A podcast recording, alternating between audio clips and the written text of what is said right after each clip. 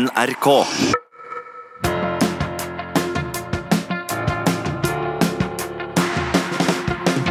Sjakksnakk med Askild Bryn og Odin Blikravea. Dagens gjester er Ellen Karlsen og Heidi Rønneid. Ja, jeg skal i hvert fall slå deg fordi du er jente. Det forteller meg at jeg er annerledes. Hei, og hjertelig velkommen til en ny episode av eh, Sjakksnakk. Jeg heter Askild Bryn, og som vanlig har jeg med meg Odin Blikravea i studio. Hei, hei. Velkommen skal du være. Takk. Eh, I tillegg til deg, Odin, er vi ekstra heldige i dag. eh, For vi har faktisk to gjester eh, som vi skal prate med om ikke bare VM-kampen, men mange andre spennende temaer. Første gjest er utdanna lege, sjakkspiller, eh, sjakkekspert og faktisk storesøsteren til verdensmester Magnus Carlsen. Ellen Carlsen, hjertelig velkommen. Tusen takk for det. Og andre gjest eh, er Heidi Rønneid. Hun er møbeldesigner, frilansjournalist, fast paneldeltaker i studio eh, for NRK under VM-sendingene. Og hun er aktiv sjakkspiller i Stjernen sjakklubb, arrangør av kvinne- og nybegynnerkvelder i samme klubb. Velkommen, Heidi. Tusen takk. Veldig bra. Eh, vi skal som sagt snakke om eh, flere spennende temaer. Eh, men aller først, Ellen. Vi hadde jo din lillebror som gjest her tidligere. Eh, og han snakket jo faktisk en del om hvordan han begynte å spille sjakk, og at du betydde mye for han i oppveksten, for han ville slå deg. Eh, hva tenker du om det? Altså, har du litt ære å ta for at han har kommet dit han er i dag? Ja, jeg tenker man må jo ta den æren man kan få. Eh, nei, men vet, det er jo på en måte viktig å ha, ha noen å konkurrere mot da, når man er små. eh, og at det er en som er lett tilgjengelig som en søsken, er jo kanskje vært viktig, da. Eh, jeg kan si det til meg selv, i hvert fall. Eh, men det ble jo i hvert fall absolutt sånn at eh, Magnus fortsatte å spille sjakk, og jeg sluttet da, fordi han begynte å slå meg. Men, men Var det derfor du slutta? Altså, Du syns ikke det var gøy å bli slått av lillebror? Nei, det, det, jeg husker at eh, vi før han skulle spille sin første turnering, så spilte vi et parti sammen på hytta, der hvor han fikk øve på å notere trekkene, da. Eh, og da slo han meg, så jeg har vel det første eh, liksom, nedskrevne partiet hvor Magnus har slått noen, det var eh, mot meg. Eh, og etter det så spilte ikke jeg sjakk på ganske mange år, for jeg syns, eh, syns ikke det var så gøy å bli slått av lillebror. Nettopp. Det kan vi alle relatere oss til, å tape mot uh, søsken. Så det er ikke noe gøy. Er det på en måte grunnen til at uh, det er Magnus Carlsen og ikke Ellen Carlsen som er verdensmester i dag? Uh, det er vel kanskje heller litt mer sånn symptomatisk på hvordan vi er som personer, da. Og heller mer sånn Ja, det ble han og ikke meg. Litt beskrivende der, da. Men det var på en måte kanskje noe med interesse fra tidlig alder. At Magnus ble veldig interessert eh, i det. Han har alltid på en måte hatt en sånn evne til å virkelig sånn dyp, dykke ned i ting og interessere seg for det og bare utforske. Eh, mens jeg på en måte ikke helt har alltid hatt så mye glede av det, da. Og da han da også på en måte lærte seg å spille litt bedre og begynte å slå meg, så var min eh, respons på det var jo på en måte da Da ville ikke jeg spille mer, og ikke sånn Nå skal jeg lære meg så mye at jeg kan slå han tilbake. Eh, så det sier vel kanskje litt om måte sånn strategien vår på hvordan vi møter motstand. da. At jeg kanskje trekker meg litt lettere unna, mens han har vært veldig på at eh, når det ikke er noe han kan, så skal han i hvert fall lære seg det. Det er jo en ulempe tenker jeg også med å være eldst. For når du er yngst, så hvis du vinner Du kan på en måte bare vinne. Hvis du slår de som er eldre, så er det positivt. Og hvis du taper, så er det på en måte forventet. Men det å være eldst og skulle eh, prøve å ta opp kampen mot de som er yngre, det er jo mye vanskeligere. Det er jo mange gjennom idrett og sjakk som hvor den yngste har blitt best, nettopp fordi du får trene med de eldre. Du får være med på ting som kanskje ikke andre på samme aldersgruppe får være med på, og du har noe å strekke deg etter. Ja, absolutt. Og jeg hadde jo andre interesser som jeg syns var mye mer morsomt. da. Altså Jeg syns det var morsommere å ri på hest enn å Mm. spille sjakk. Og da, da er det jo litt naturlig at da blir man ikke verdens beste sjakkspiller, i hvert fall. Hva, hva tenker du selv nå? Hvor, hvor god ville du vært hvis du hadde fortsatt uh, å spille? Du, du var jo ganske god, bare for å dra et eksempel. Du, du kom jo på andreplass i NM for ungdom. Ja, Og det er jo en ja. åpen klasse. Som, eh, det er jo veldig sterkt. Og det var i 2007 eller 2008, kan det Ja, stemme? ja, det stemmer jo det. Så da hadde jeg jo på en måte begynt å spille igjen da, i mellomtiden. Så jeg slutta på en måte, jeg la opp da jeg var åtte, så jeg er åtte-ni, og så begynte jeg å spille igjen da jeg var 13. Eh, og så spilte jeg jo litt, og den turneringen der var vel kanskje min beste turnering eh, noen gang, da. Eh, men jeg tror aldri jeg hadde hatt den eh, driven som skulle til for å, for å bli ordentlig god. Men jeg liker jo å tenke at jeg sikkert jeg vet ikke, Kanskje jeg kunne blitt hjem da, hvis jeg liksom hadde lagt ned nok antall eh, timer.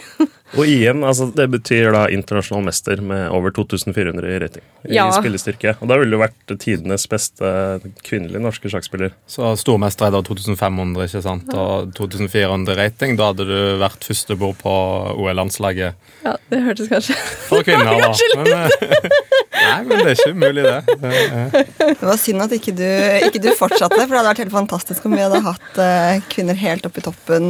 eh, Ja, ikke. Toppspillerne i Norge også. Eh, Hva med deg, Heidi? Hvordan starta du med sjakk? Jeg hadde spilt litt sjakk mot uh, faren min og venner og sånn da jeg var liten, og på, på skolen litt her og der. Og så var det egentlig først da jeg var uh, noen og tjue at jeg begynte å, spille i klubb. Egentlig bare fordi at jeg hadde lyst til å ha en fritidsaktivitet for å uh, gjøre noe på kveldstid. Og så begynte jeg å spille i klubb, og så ble jeg helt sinnssykt hekta. Så spilte jeg så mye jeg kunne alle helger. På det meste spilte jeg tre forskjellige klubbmesterskap i, i Oslo hver mandag, hver tirsdag, hver torsdag. Oi, Pluss er turnering i helger. Så da gjorde jeg bare det. Brukte alle pengene mine på å dra på sjakkturnering. Jeg holdt jo på å spille fra meg kjæresten min fordi at jeg var så mye borte. Jeg var jo aldri hjemme.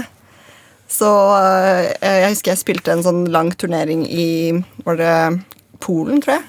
Og Som var ni runder fra romjulen over nyttårsaften. Og jeg da var sånn Jeg er ikke hjemme på nyttårsaften i år, for jeg skal til Polen og spille sjakk. så da jeg kom hjem da, så, så sa kjæresten min at øh, jeg syns at øh, man skal være sammen med kjæresten sin på nyttårsaften.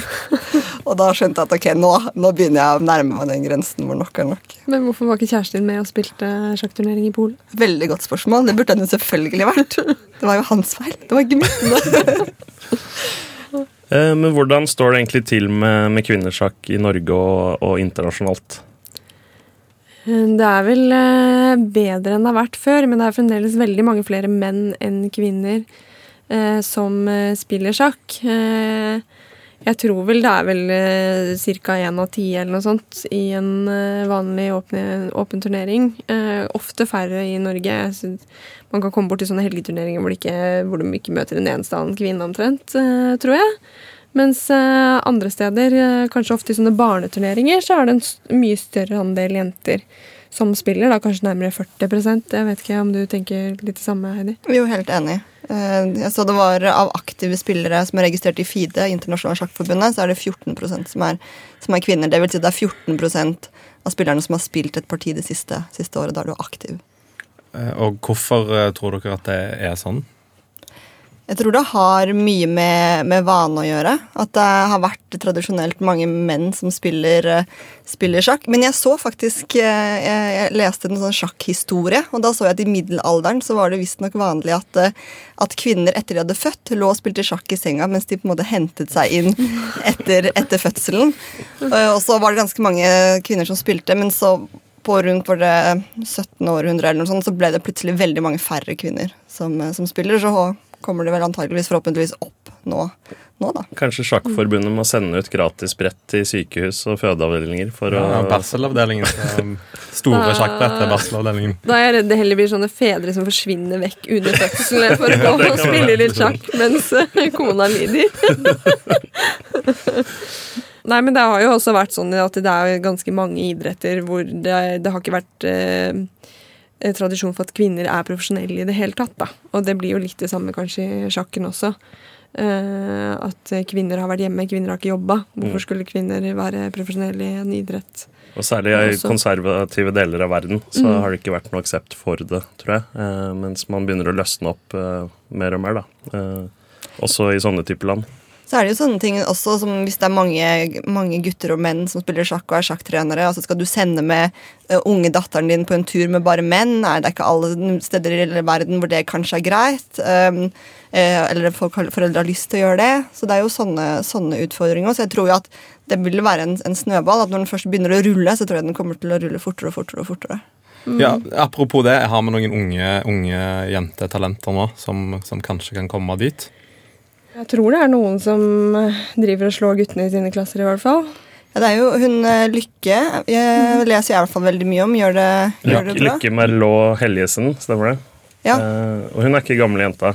Nei, Hvor gammel er hun blitt nå? Årene går så Ja, fort. 8, 9, 10. Jeg er ikke helt sikker selv, ja. men hun er jo åpenbart et stort talent. Sånn, du ser jo, du jobber jo en del med nybegynnere. Hvordan er, det noen forskjell eh, på kjønnene der eh, i, i forhold til innstilling når de kommer i klubben og, eh, og mottagelse osv.? Jeg synes egentlig ikke det.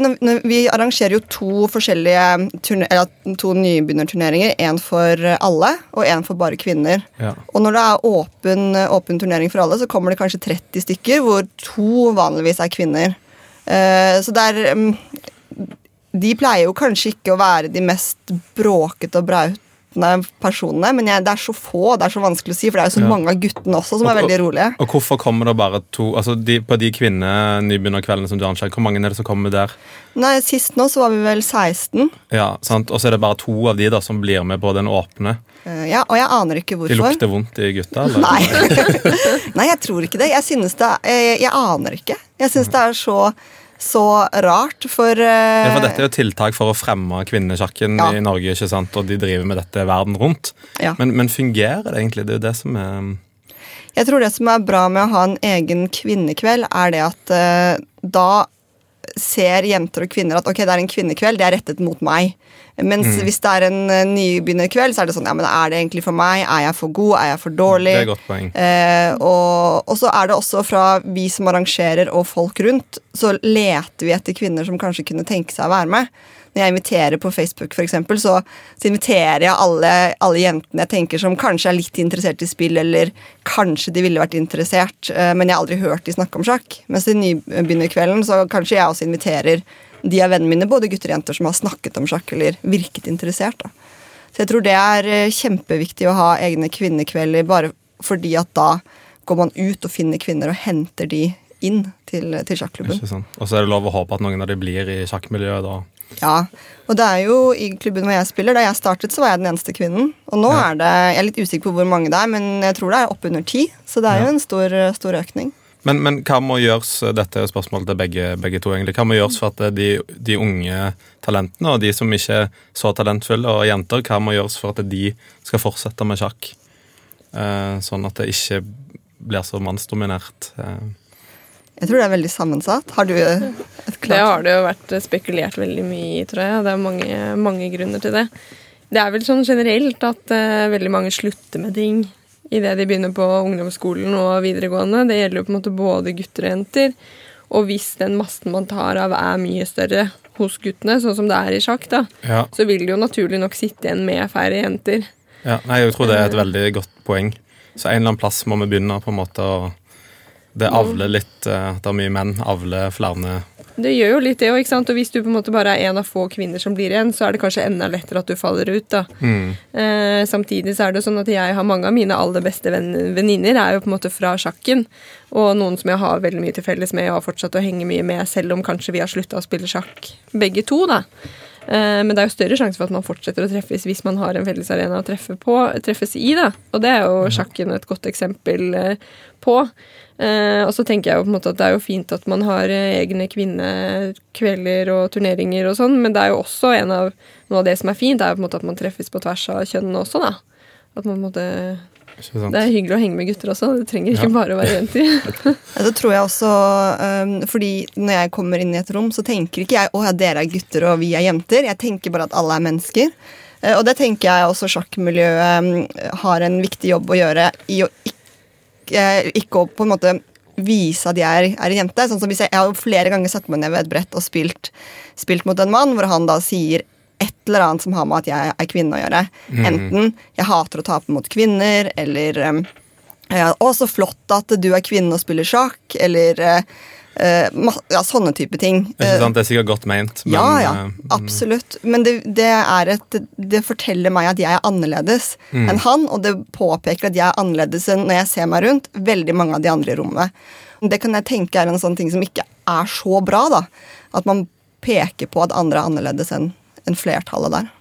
Det er jo, Man får jo ofte så høre når man er jente, at liksom ja, jeg skal i hvert fall slå deg fordi du er jente. At det er litt den innstillingen man har, da. Ja, Og at man kanskje ikke nødvendigvis får de snille venner mine, eller liksom får en chill dag på jobben fordi du er jente, og de skal på en måte ta deg. Uh, og det kan liksom oppfattes som litt sånn kjipt, uh, tror jeg.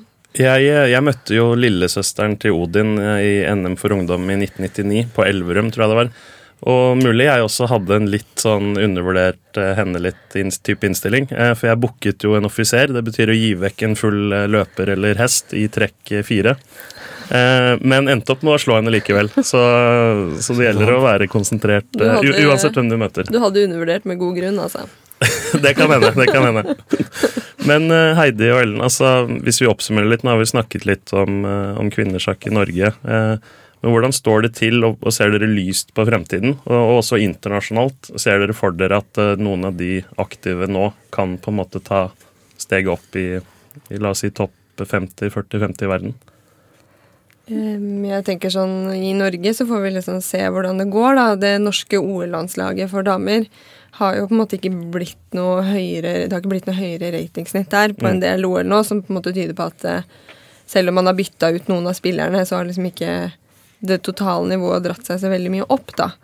Eh, Men sånn internasjonalt så tenker jeg jo at eh, i og med at sjakk på en måte har blitt mye mer populært og et litt mer sånn ynda PR-objekt, så tenker, man, tenker jeg at det er positivt for kvinner. For det gjør jo, skaper litt mer rom for at man tar med gode kvinner i turneringer. Eh, fordi man vil ha, god, ha mye PR da, rundt eh, turneringene. Så det tenker jeg på en måte er positivt. Og det ser man jo allerede, at de beste kvinnelige spillerne også får lov til å være med i toppturneringene for menn. da. Selv om de kanskje egentlig ikke helt det Er på det har nivået, ikke sant? ratingnivået. Ja. Samtidig så mangler vi jo den eneren, kanskje, eh, som peker seg ut, som kan ta det neste steget. Og tror dere vi vil få en kvinnelig eh, verdensmester i vår levetid? Eh, Jeg tror ikke det.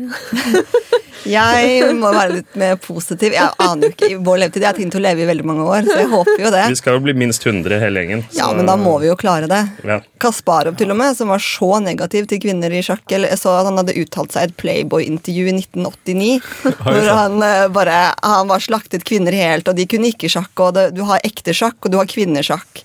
Han har til og med i fjor eh, moderert seg veldig og mente at ja, det er, vi kan nok få en, en kvinnelig verdensmester, men det vil nok ta noen år. For det, det, det er jo på ingen måte umulig. altså Vi har jo sånn som eh, Judith Polgar, som, eh, som var topp ti. Um, og på sitt beste var nummer åtte, tror jeg. Nummer åtte i verden, ja. Stemmer. 2735-ish i, i rating. Um, hun hadde jo en litt sær oppdragelse. Litt sånn som den, den serien som går til en seiersgang på, på TV nå. Eh, Team Ingebrigtsen. Så, så, satsa, mm. så satsa han veldig hardt på sjakk. Hadde tre døtre Faren, ja. han faren. Og, og, og det endte jo med suksess, da. Det fikk, to av de ble stormestere. Og hun siste ble internasjonal mester. Det var det du hadde blitt, eh, Ellen. Um, så, um, så det er på ingen måte umulig. da. Hun etablerte seg i verdenstoppen og har slått mange tidligere verdensmestere. Eh, Men det var knallhard jobbing. De underviste i sjakk hjemme. Det var sjakk på tapetet. Han begynte når de var tre-fire år. Um, ja. Han sa jo det, han faren til Polgar-søstrene, at eh, geni blir ikke, blir ikke født, de blir skapt. Eh, og han beviste jo det når han da får eh, Judith Polgar, da, yngstesøsteren, som blir ja, nummer åtte i verden. Ja, Det stemmer. Han har skrevet ei bok òg, 'Race a Genius'. Ja. Og eh, den andre søsteren, eh, Sofia Polgar, slo jo til med 8,5 av 9 mulige poeng i en GM stormesterturnering i 1989 som 14-åring. Eh, så det var jo et eh, enormt talent der òg. Og eh, snakka med Magnus om Susan Polgar, og han mente at eh, Susan var den tredje beste kvinnelige spiller gjennom tidene. Så de har da både sant. nummer én og tre på kvinnesiden, da, den søskenflokken. Det er imponerende. Hvem var det han mente var nummer to? Jeg antar at det er Ho Yifan, da, Ja. som er eh, topprangert i verden i dag blant kvinnene. Susan Polgar hadde jo en veldig vanskelig oppvekst, eller oppvekst, sjakkoppvekst. Hun ble jo, da skulle jo kvinnene spille én turnering, og herrene spille én turnering. Så hun, hun, hun har jo virkelig vært en foregangsperson for kvinner i sjakk ved å nekte å spille kvinneturneringer, og um, ville da spille herreturneringene og få spille der, og kom jo i, i kjempekonflikt med, med Sjakkforbundet pga. dette. Og mener også at det var derfor hun fikk eh, GM-tittelen så sent. Eh, Hun hadde vel var det 11 GM-napp før hun endelig, endelig fikk den. Og hva, hva er GM-napp? Stormesternapp? Stormesternapp, Det- det, altså, de, du må, disse resultatene du må ha for å kunne bli stormester, hvor du må gjøre det så og så bra i en turnering. Men eh, jeg tenker jo også på det at selv om man på en måte kan få en kvinne som blir veldig god, så skal du ekstremt mye til å bli verdensmester i tillegg. Da Ja. skal jo alt klaffe over veldig lang tid, så sannsynligheten for at liksom Si at du har én av topp ti da, som er Ja. At akkurat den ene av de topp ti? Den er jo ikke så veldig høy. Men du må ha flere som gjør sånn som Gjert, eh, og Yes. som han eh, Laslo Polgar. Eh, at de satser. Og nå har jeg tenkt å ta den saken i egne hender. da. Jeg har en, en liten datter på, på to Ja, to måneder og to uker nå. Um, så Så om 14, 14 år så er det en stormester. Ja, om 14 år så er det en stormester eh, som bor hjemme. Men eh, det jeg må gjøre da, som jeg må passe meg for alle disse fallgruvene, ikke sant? For det at det, hvis hun får en interesse for sjakk, så har jeg lyst til å lære henne det fra tidlig av. Og gjerne med litt knallere undervisning, inspirert av, eh, av de jeg snakker om. Um, men så er det trikset da å hvordan skal jeg bevare den interessen når hun blir en liten fjortis. For det er så lett da, og da velger selvfølgelig venninnegjengen. Så trikset mitt blir at eh, hun får kun være med på aktiviteter som er mannsdominert. Så hun kan får ikke lov å drive med dansing eller fotball, eller noe sånt, men kampsport. Og sjakk, f.eks. Sånn at, Så hun, hun skal eh, få lov å holde seg i fysisk form, men sånn at hun velger sjakken. Ja, sånn at de eneste venninnene hun har, de er gjennom sjakken og ikke noe annet. da. Du får ta henne ut av skolen så ikke hun får noen påvirkninger andre steder. Ja, sant? ja, Låse henne på rommet, ikke sant? Det, det er jo eh, Men uh, vi har jo snakket om en som heter Nigel Short uh, tidligere i denne podkasten. en veldig kontroversiell eh, sjakkspiller fra England. eh, til, tidligere VM-utfordrer. Ja. eh, slo, eh, eh, slo seg fram til eh, VM-kamp mot Kasparov, der han fikk eh, bank på tidlig 90-tallet. Men han eh, hadde et sitat, Odin. Eh, hva var det igjen? Nei, det, var, det gikk jo på da at eh, hjernen til menn og kvinner er skrudd sammen på forskjellig vis. da, Og at eh, de er liksom ikke skapt for å spille sjakk. Ikke så veldig fint sagt. Og Han fikk jo masse kritikk for han det. gjorde det. Han gjorde det. Han, øh, hva, han sa jo vel noe mer at Og han sa han mente ikke noe vondt med det, fordi han og, ko, eller han, øh, han og kona hadde en sånn enighet om at han rygget bilen ut av garasjen, og hun laget mat. Og det var, det var jo ikke noe med at den ene var bedre enn den andre. Den ene var bare god på én ting, og den andre var god på en annen ting. Det er jo helt, altså det er jo helt, helt hårreisende å si noe sånt. Ja, ja, samtidig så tenker jeg at det er jo statistisk sett forskjeller på manns- og kvinnehjernen. Altså man fungerer på litt, Det er jo litt forskjellige typer områder Når det er man legen. Ellen Karlsen som snakker her. Jo, men samtidig så tenker jeg at det er så bredt spekter. Altså folk er, øh, Man er så forskjellige innenfor menn og innenfor kvinner. og det er så, du kan kanskje ikke, la oss si hvis det er riktig da, at øh, flesteparten av kvinner ikke kan bli verdensmester i sjakk eller har, eller liker de tingene, mens det er en større sjanse for at menn kan bli det. Men allikevel vil det alltid være en stor del som vil overlappe, og som vil også være ja, f.eks. å ha mye konkurranseinstinkt. De, eh, de sier jo, disse eh, Nigel Short og Kaspar var det vel, eller hvem som sa det, at kvinner har ikke sterkt nok konkurranseinstinkt. Og da tenker jeg, hva er det de snakker om? Hvordan er det mulig å ha mer Jeg har jo helt vanvittig mye konkurranseinstinkt. Altså, jeg har gjort helt drøye ting i raseri etter å ha vunnet, nei, tapt et partisjakk eller tapt noe annet. Så, eh, så det er helt hva da? Heidi? Å nei. Uh, Egner seg ikke på lufta, kanskje? Nei, det, altså min, min verste opplevelse uh, var da jeg spilte Risk. Dette terning altså, Du skal Det gøy, krige mot en annen person med terningspill, og så spilte jeg mot, uh, mot kjæresten min. Og så hadde jeg en kjempearmé, og han hadde, hadde en liten armé. Jeg skulle invadere hans land, og da er det statistisk veldig stor sjanse for at jeg vinner. Men han trillet sekser på sekser på sekser, som gjør at han drepte min armé. Og da ble jeg helt altså jeg ble helt koko, så jeg bet hodet av en sånn mann og kastet han i peisen. Av en liten riskmann. Det er min verste. Altså, og da tenker jeg, hvordan kan man ha mer konkurranseinstinkt enn det? Jeg tenker jo også at eh, man kan jo ha veldig stort konkurranseinstinkt, og samtidig, en gang da jeg spilte mot en liten gutt, så måtte jeg liksom ta imot remis, for jeg syntes så synd på han. Nei, uff. Det var morsinstinktet. Eh, Gjorde du det selv om du sto til seier? Nei, jeg sto, jeg sto jo bedre, da. Og så uh, var han sånn Han hadde ikke noen poeng, og jeg hadde ikke så veldig mye poeng, jeg heller. Men da var jeg sånn Ok, han var veldig søt, så da Nei, det hadde jeg aldri gjort. Uansett hvor liten og søt den personen hadde vært. Jeg har hatt mange ganger jeg spiller i sjakklubben hvor jeg blir så rasende at jeg må bare gå hjem. Fordi jeg kan ikke si noen ting. Eh, Fordi, og det er litt forskjellen på, på det å spille sjakk i klubb og det å spille risk på hytta med kjæresten din. At du kan jo ikke vise disse følelsene. Så jeg har jo ikke utagert i en sjakklubb noen gang. Eh, Men jeg har jo jeg har bare måttet gå ut døra og bare Ok, ikke snakk til meg nå, jeg må bare hjem. Ja, morsomt å høre. Eh, nå er det jo noen år siden uh, Nyler Short sa disse tingene. da, eh, og Opplever dere at, eh, at det er flere på en måte internasjonal sjakk som deler det synspunktet, eller at det er et åpent og velkomment miljø? Ja, jeg syns stort sett alltid blitt, jeg har blitt tatt veldig bra imot i sjakkmiljøet, og at det nesten heller på en måte er en fordel å være jente enn at det er noe negativt. For det er jo ofte flere som på en måte vil bli kjent med deg. da. At du, selv om du kanskje ikke er så god, så får du være med på en del ting bare fordi du er jente, liksom. Eh, og det man må jo på en måte ikke glemme de positive sidene ved å være i mindretall også, da. Mm. Og så opplever jeg på en måte at man stort sett blir tatt på alvor ut ifra den ratingen man har, i hvert fall. da. Ja, det er sant. Jeg er også helt enig med deg. Jeg har jo dratt på mye sjakkturneringer alene. For jeg har jo, jeg har jo begynt som voksen og hadde, jeg fikk, har fått venner underveis. Og det å reise til Fagernes eksempel, helt alene og ikke, kjenne, ikke dra sammen med noen, ikke kjenne noen så godt, men det er ikke noe farlig, for det er alltid så mange folk som, som snakker med deg og, og, og blir venn fort. da. Man blir fort inkludert. Um, så det syns jeg er veldig positivt. Ikke sant? Um, Ellen, i og med at vi har med deg i studio, så, så tenkte jeg vi skulle høre litt mer om, eh, om barndommen og litt mer om Magnus. Eh, det var jo et år dere reiste rundt eh, eh, og satsa på, på sjakk. At han skulle spille sterke turneringer i utlandet. Det var vel i skoleåret 03-04. Ja. Eh, Det skal jo sies at dette var jo en drøm mamma og pappa hadde hatt lenge. Ikke bare om at eh, vi skulle reise rundt og spille sjakk. Den opprinnelige drømmen til pappa var at vi skulle sykle fra Norge til Gibraltar. Og så Oi. liksom med sesongen nedover, da. Så vi liksom skulle få sol og fint vær og varme hele veien. Og så oppfattet han at det kanskje var noe motstand Det er i det. resten av familien. liksom. Når du liksom er 13 år, så er det liksom ikke ti timer på sykkelsete hver dag det man er mest keen på. I hvert fall ikke når man egentlig ikke er så glad i å sykle engang. Um, men så var det på en måte det med at eh, Magnus hadde jo begynt å bli ganske god i sjakk etter hvert. da.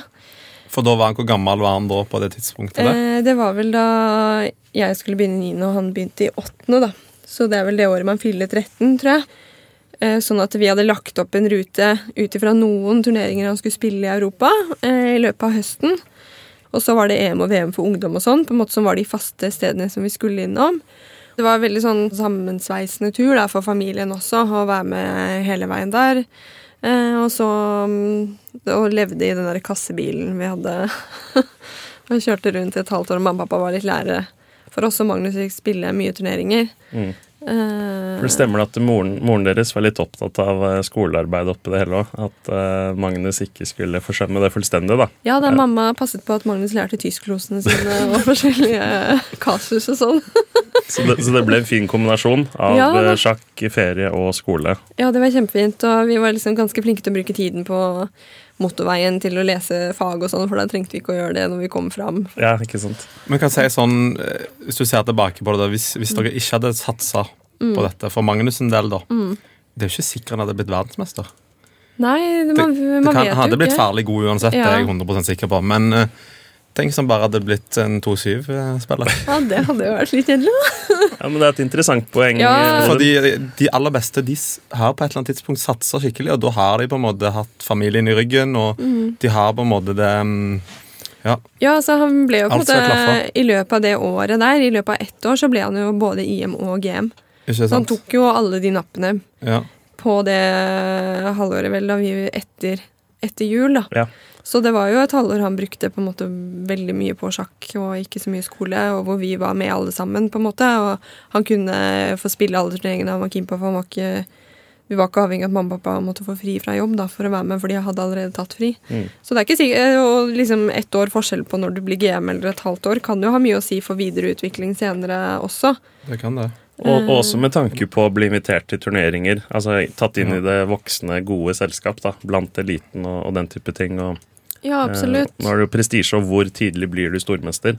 Eh, Og de rekordene der er det jo mange Ja, det- som forsøker å, å ta. Ja, absolutt. Men så kan man på en måte si også at Magnus fikk jo ikke så mye treneroppfølging da, på det året der, fordi vi var så mye borte. Så, men han spilte veldig mye, og det Ja. har jo hele tiden vært litt sånn filosofien til Magnus og pappa at, eh, at det du blir aller mest på, er jo på en måte av å spille. For det er, du er jo aldri så konsentrert når du trener sjakk som når du faktisk sitter og spiller et parti. Det er veldig godt poeng. ja. Og du spiller liksom ni partier i hver turnering. Det blir ganske mange timer med intensiv trening totalt, da. Rutine, erfaring, Mm. alt det der. ja. Ja, så- Men, eh, men vil du si at faren deres var på en måte sjakkens hjert, eller var han litt mer avslappa til eh, Nei, altså, det jeg, jeg tror liksom en sånn her dokumentarserie om vår familie hadde liksom ikke vært så sånn fylt vært så av interessant. Det, Altså, det er mye rart, det Ja. er det, men det er ikke så beinhardt. eh, men, men han var på jobb, liksom. Det var sånn Nå må du, nå må du prestere og Til Magnus? Ja. Nei. Nei. Nei. Han, ja, han gikk jo rundt og spilte i eh, joggebukse og hettegenser fram til han ble ganske gammel, liksom. Frem til han var etter han var GM. Eh, og han spilte jo liksom eh, stort sett det han ville, men herregud, har du meldt deg på en turnering, så må du jo spille den ferdig. Men det var det jo aldri noe spørsmål om uansett, liksom, når man er sjakkspiller. Man gir seg ikke underveis. Så Nei, nei, sant, er pappa er en litt annen type enn eh, Gjert. Ja. Men, men omsorgsfull da òg, og husker han alltid hadde med, med juice og, Ja. og rosiner. En boks med rosiner. Alltid var- rosiner og nøtter og litt mørk sjokolade og nøye stilling i stand. Ja, det alt, ja. Det virker jo helt fantastisk da, å ha, ha en sånn familie som på en måte backer deg så mye, og sørger for at alt er tilrettelagt for Ja. at det skal gå så bra som mulig.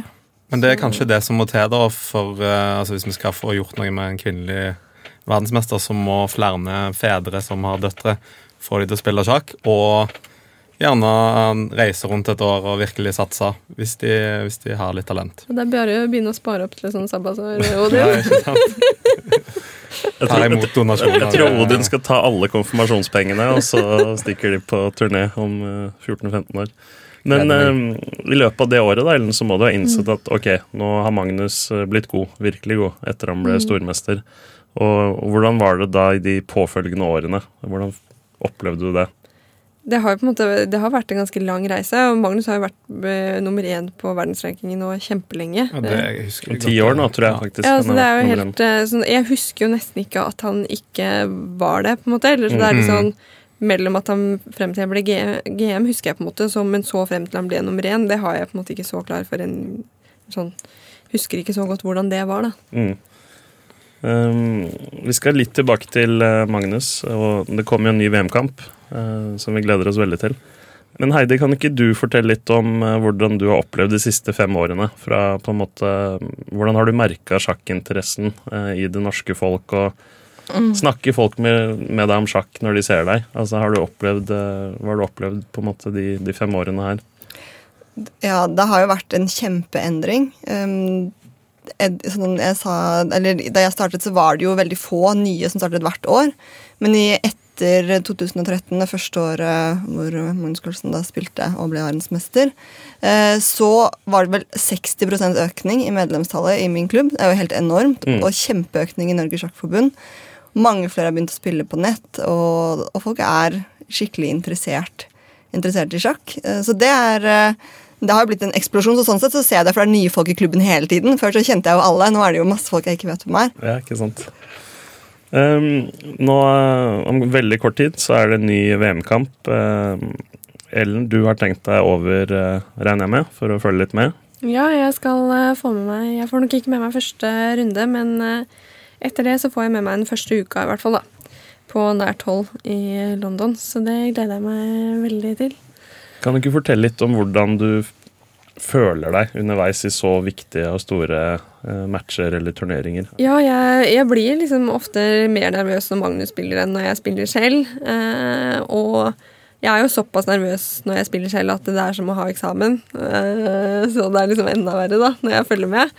Eh, og jeg blir liksom, hvis Magnus begynner å stå dårlig, og det står om mye, så klarer jeg egentlig ikke å se på. Da må jeg egentlig bare borte og ikke få det med meg, og det er jo litt vanskelig hvis man sitter og skal kommentere, da. Da klarer jeg liksom stort sett å være litt mer klinisk. og sånn, Men jeg, jeg, syns, eh, jeg syns egentlig det er eh, litt for spennende. Det, det gjør jeg. Eh, samtidig som jeg Så jeg, det er litt sånn grugleding. Eh, og det er litt også fordi eh, Fordi jeg vet på en måte hvor utrolig kjipt det er å tape et parti, da. Eller å tape en sånn match eh, for Magnus. Så det er liksom, jeg har ikke noe lyst til at han skal få eh, bli påført all den smerten der. da. Og at jeg sitter nesten og kjenner litt på den på forhånd selv. Så er, jeg tror det er derfor jeg på en måte blir så engasjert i det. For det, det er interessant det du sier nå. Det, det er jo faktisk en, det er jo en reell mulighet for at det skulle skje. Denne gangen her han møter kanskje sin største utfordring på lenge. Og hvis det nå skulle skje at Caruana stikker av med seieren og vinner hele matchen, hva tenker du blir altså både reaksjonen til Magnus, men kom- kommer han til å ta opp kampen igjen og prøve å kvalifisere seg til å bli verdensmester, eller kommer han til å håpe at det blir en regelendring om at det, det blir returmatch, sånn som det var for lenge siden? Eller? Eh, jeg tror liksom eh, På den ene siden, så hvis Magnus skulle tape mot noen, så ville han på en måte føle at kanskje Karana er en av de som fortjener mest å vinne, da, fordi han kanskje er, en, kanskje han er den beste utenom Magnus selv. Samtidig som han ville synes det var skikkelig surt å tape mot Caruana fordi han hater å tape mot akkurat han. Eh, og, så, og derfor er jeg også litt sånn usikker på om reaksjonen til Magnus ville bli nå skal jeg bare vinne neste kvalifiseringsturnering og slå han i neste match. Uansett. At det blir hele fokus. Eller om det bare blir Nei, fy fader, nå gidder jeg ikke mer. Nå legger jeg opp. Ja, det er det som er litt skummelt. Er det, Blir det sånn at ja, nå, ok, nå har jeg vært best i ti år. Vær så god, her er stafettpinnen. eh, Spring, Caruana. Det, Samtidig så skal jeg Jeg ser liksom for meg at Magnus har lyst til å gi seg som nummer én. Da. Samtidig som det er liksom sånn Hvis han da ikke skulle vinne, få til neste kvalifisering til VM, ikke sant? Da, da er du plutselig inne i den derre Evig loopen. runddans. Ja, to år, to år, to år. Ikke sant? Du vet ikke Og så si at Caruana skulle tape neste VM-match mot en annen, og så hvis Magnus skal vinne tilbake igjen, så er det ikke mot Caruana engang. Ikke sant? At det, eh, jeg vet ikke helt eh, hvordan utfallet blir der, eh, så vi, vi bare håper at det ikke skjer. jeg er enig i det. Men tror du ikke at Magnus har lyst til å være på topp, altså være verdensmester eh, lenge? Altså prøve å være der, sånn at han kommer virkelig, virkelig, virkelig opp i, helt til toppen i historiebøkene? Jeg tror jo på en måte at det er noe i han uansett som har lyst til det. Samtidig så er det jo Det er så sinnssykt slitsomt å drive med det han holder på med, og det presset. Og ikke minst de VM-matchene er jo det verste. Det er jo det største presset. Altså Kanskje bortsett fra å spille kandidatturneringen, så er det på en måte det verste presset. Du har liksom Det pågår over så lang tid, og du får de hvilerundene som du egentlig ikke vil ha, fordi du bare går rundt og er stressa i enda en dag, og så kommer det i tillegg mellom annethvert parti på slutten. Det er ikke bare mellom, med to partier imellom. Um, og jeg tror liksom at det, at det, er, det kan rett og slett hende at det, er, det blir litt slitsomt, da. Eh, og i hvert fall hvis du liksom føler at det kanskje ikke helt At du ikke helt har den flyten hele tiden. At det er litt sånn slitsomt å føle at jeg spilte bedre for fem år siden, eller, men jeg, jeg vet at jeg er like god, men jeg får det ikke til å flyte like bra. Eh, og hvis du på en måte ikke klarer helt å knekke den koden, da kan det godt hende det bare blir litt for slitsomt, eh, rett og slett. da. Det er jo på en måte begrensa hvor mye motstand man orker å jobbe med. Mm. Ja, og Spesielt når du på en måte har en ganske grei hvilepute. Ja, absolutt. Og jeg tror Magnus er jo også sånn som syns at mange andre ting også er spennende. Og han syns jo på en måte det er morsomt å lære bort sjakk. Han er jo faktisk en ganske flink pedagog, selv om han eh, har ledd mye av meg. Jo, men, ja, men det, det, skal, det skal han faktisk ha, fordi altså Jeg har 2000 pluss i rating, og det hender faktisk at Magnus setter seg ned og spiller sjakk med meg eller andre kompiser. Han er eh, absolutt flink til å om ikke nødvendigvis ta oss på alvor med tanke på nivået vårt, så, så, så gir han i hvert fall også en mulighet til å, å, å plukke opp litt kunnskap da, eh, fra han, og det, det setter man jo veldig pris på. Um, men hvordan har du opplevd det å ha han som lillebror? Det har liksom variert litt, for det er noen ganger hvor eh, det har både jeg og Ingrid på en måte vært litt frustrert over at vi sitter og spiller et parti. Og Og Ingrid er da deres vi- lillesøster ja. Ja. som er fem år yngre enn meg, tre år yngre enn Magnus.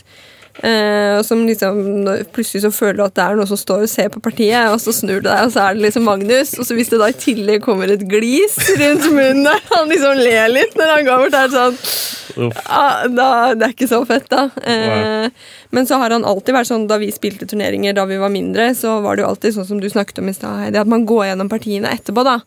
Og det var alltid rom for at alle vi andre også fikk vise partiene våre, og at han kom med tilbakemeldinger. Så skal det jo Noen ganger så var det jo litt sånn ertende eller mobbende tilbakemeldinger, men de var ofte veldig konstruktive. At det var heller liksom jeg som ikke var så god på å ta tilbakemelding. At det liksom jeg kom med sånn jammen sånn som man ikke gjør nå, da, når man har blitt voksen, men som man liksom skulle prøve å forsvare seg selv da man var eh, barn. Eh, så, men jeg syns stort sett at han på en måte har vært stort sett eh, pedagogisk hvis han vil, da, i hvert fall. Først og fremst så er han egentlig en sånn en snill bror, da. Blitt det med Ja. årene. Ja, for det kjenner jeg meg ganske godt igjen i forhold til Nå er jo meg og Askild eh, kompiser av Magnus, og, og vi ser jo på han som eh, først og fremst veldig lojal og, og omtenksom, da. Eh, Jeg har, en, jeg har et eksempel på det. Vi skulle ha mm, planlagt keisersnitt nå tidlig på forsommeren. Og han var faktisk den eneste kompisen mine som ønska meg lykke til på den dagen der. Og det er liksom to faktorer som spiller inn der. Det ene er at han har en hjerne som gjør at han klarer å huske den datoen. og det andre at han faktisk er samvittighetsfull nok og omsorgsfull nok til å gidde å sende en melding. da.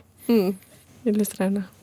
Men, men nå, er den, eh, nå er familien eh, deres ganske innstilt liksom, på Magnus sin, sin suksess og Team Carlsen og, og så videre. Hva, hva konsekvenser får det for familien hvis han nå skulle tape, tape denne her? Og, ja, og de, så sier jo sjøl at det kan jo hende at han faktisk da har fått nok, og tenker at nå er det pass, passer det å gi seg, at det er altfor slitsomt å komme Ja. tilbake. Nei, da må vi vel ta til takke med å drive med vanlige ting igjen, da. Både mamma og pappa er vel ansatt i firmaet til Magnus. Ja. Nei da, men um, vi andre har jo andre ting å drive med, og er jo på en måte ikke avhengig av han. I hvert fall Nei. ikke søsknene hans. Eh, mamma og pappa finner nok på et eller annet å gjøre, de òg, tenker jeg. Og jeg ser jo på en måte for meg at selv om Magnus kanskje skulle slutte eller trappe ned på selve spillinga, så ville han nok fortsatt å drive med sjakkrelaterte ting. ja. Klarer liksom ikke helt å se for meg at han skulle slutte med alle de tinga der, da. Eh, og da er det jo fremdeles eh, sånn at både at pappa ville vært involvert, tenker jeg. Mm. Ja. Men hvis du skulle tippe, altså Forutsatt at han taper nå, hva, hva er sjansen for at han da faktisk bare legger opp? Eh, jeg tror i hvert fall sjansen for at han legger opp på kort sikt, den er eh, reelt til stede. Ja, Og så må han heller, så blir det skikkelig sånn rocky comeback. Eh. Ja, Heller noe sånt, tror jeg kanskje. Vi bare håper han vinner. For det er jo Ja. tenk på, det er jo så mange som sitter og følger med på han i romjulen Mm. og i november når det er langsjakk. Og det er jo også det er jo, ikke sant, NRK sender, VG, TV 2 sender. Det er jo ganske mange som er avhengig av at han ikke gir seg. Det er mange som blir arbeidsløse Ja. eh, hvis, eh, hvis han taper. Ja, jeg vet ikke helt om han uh, tar det så mye med i betraktning. Nei, nei, det kan man jo ikke gjøre. Men vi kan jo håpe at han Ja, ja. Jeg tror ikke han tenker, han tenker ikke på det hele tatt. Vi spurte ham jo når han var her. Um, Ja. Og det skal han ikke studio. tenke på heller. Nei, Nei, Men, men det som blir interessant den dagen han trapper ned, er å, å se hvordan det påvirker sjakkinteressen i Norge. Det er da vi virkelig får testa hva denne perioden har gitt oss, Ja. og om det vil holde, Holde stand. eh, holde stand. Eh, Og det, det blir veldig interessant å se.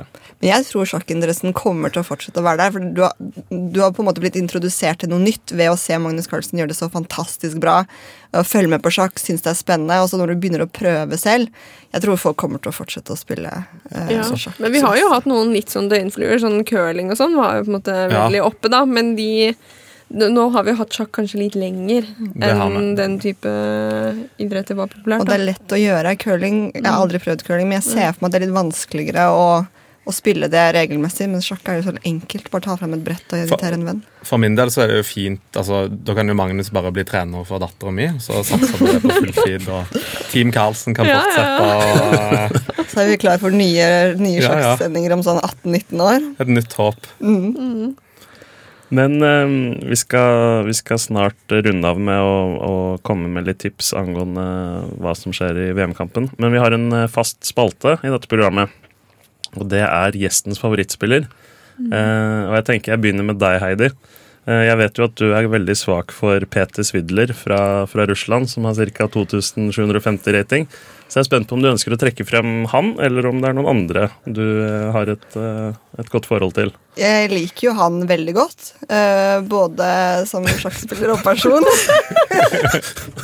Og utseendemessig, eller? Ja, jeg blir jo ertet veldig mye for det, for jeg var jo dum nok til å si en gang at jeg syns han var ganske kjekk. Og jeg syns det er helt håpløst at man skal bedømme en idrettsutøver på utseende uansett kjønn.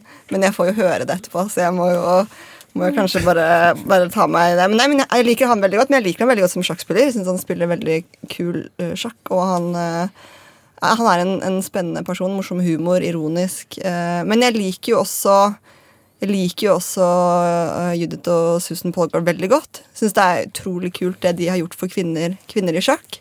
Og så liker jeg også broren din, Magnus Carlsen.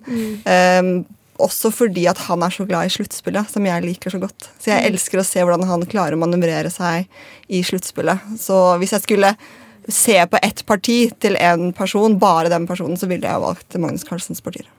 Eh, hvis jeg skal være litt sånn solidarisk overfor mitt eget kjønn, så tenker jeg jo Judith Polgar er en uh, god kandidat. da. Eller så er det sånn av de på en måte spillerne som spiller toppturneringen nå, så selvfølgelig følger jeg med på Magnus. Eh, men hvis man på en måte skal se partier som ender opp med å bli morsomme, så er jo Grisjuk og Ivansjuk sine partier stort sett alltid morsomme å følge med på, da. Ja, Aleksandr Grisjuk fra, han er jo litt av en karakter fra Russland. Mm. Eh, veldig god spiller, først og fremst. Ja. Topp ti-spiller i verden. Eh, og røyker som, eh, som bare det. Som et damptog, ja. så han har jo havna i, i tidsnød flere ganger pga. røykingen sin. Ja, eh, blant annet, Og veldig god i poker, så han bruker mye tid på det. Så han er jo på en måte en skikkelig bohem i sjakkmiljøet. ja Eh, spiller veldig spennende sjakk, da. Ja, Mm, han vel- gjør jo det, dyna liksom. dynamisk, mm. fin sjakk. Og Vasilij Vansjuk er jo også en, litt av en karakter. eh, Ja, han må ha noen diagnoser, eh, tror jeg. Men han spiller jo tidligvis også veldig inspirert eh, sjakk, da. Ja.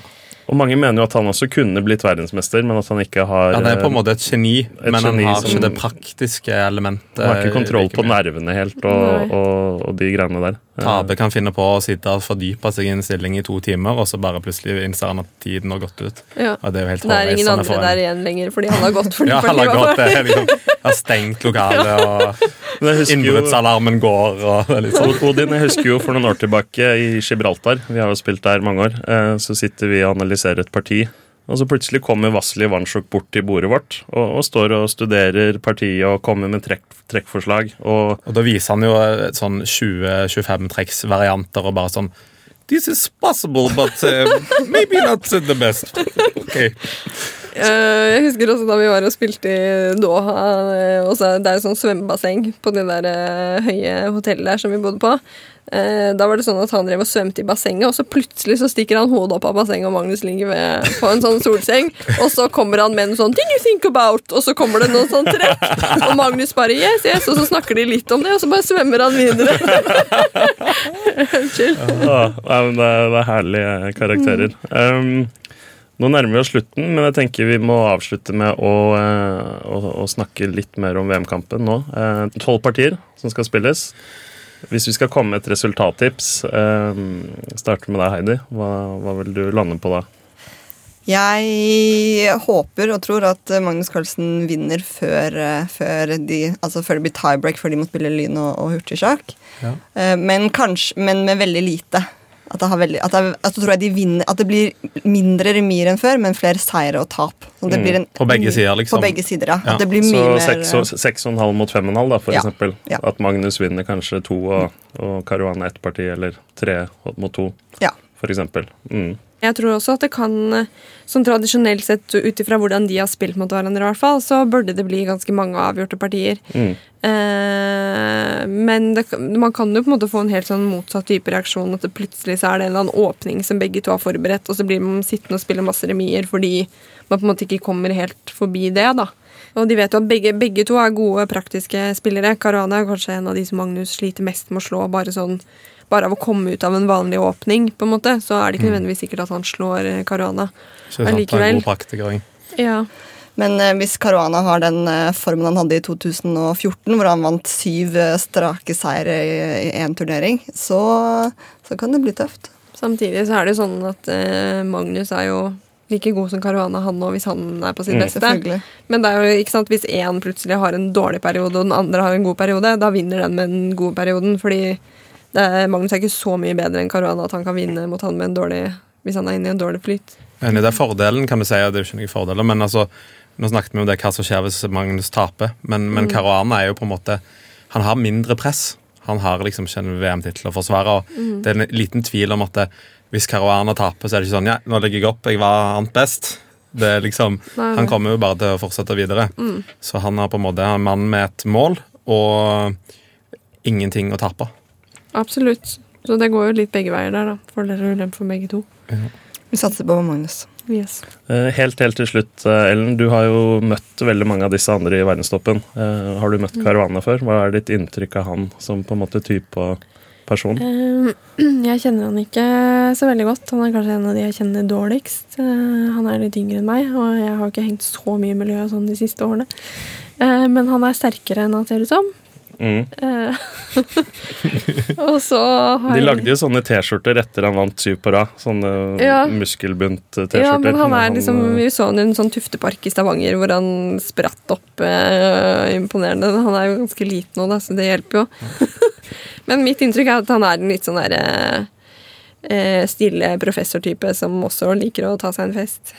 Ja. Hva mener du med det? Har du, har du sett han gå, gå amok i baren på turneringer, eller? Eh, ja, litt. Eller kanskje hørt noen historier. Ja, hvilke historier da? Nå er jeg spent. Nei, bare sånn om øh, hvor, hvordan man var etter det på avslutningsfesten til den og den turneringen. Da. Mm. Så han pleier å slå ut håret da når det er avslutningsfest. eh. Ja, jeg tror det. Da står krøllene til alle kanter. Kjempebra. Eh, Da tror jeg vi lar det bli siste ord. Eh, Tusen hjertelig takk for at du kom, Ellen Karlsen, og eh, lykke til i november.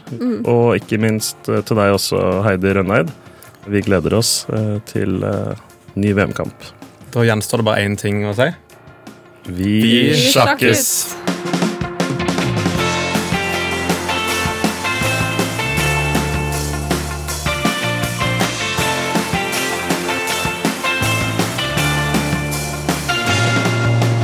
Sjakksnakk lages for NRK av Askild Bryn, Odin Blikk Ravea og Sindre Leganger. Vil du vite mer om det som ble nevnt i episoden, så sjekk nrk.no sjakk. Gjest i neste episode er historiker og sjakkdommer Hans Olav Lahlum. Så jeg sto og så på partiet hans og oppdaget at han har skrevet på skjemaet 'Nå står Lahlum her igjen!'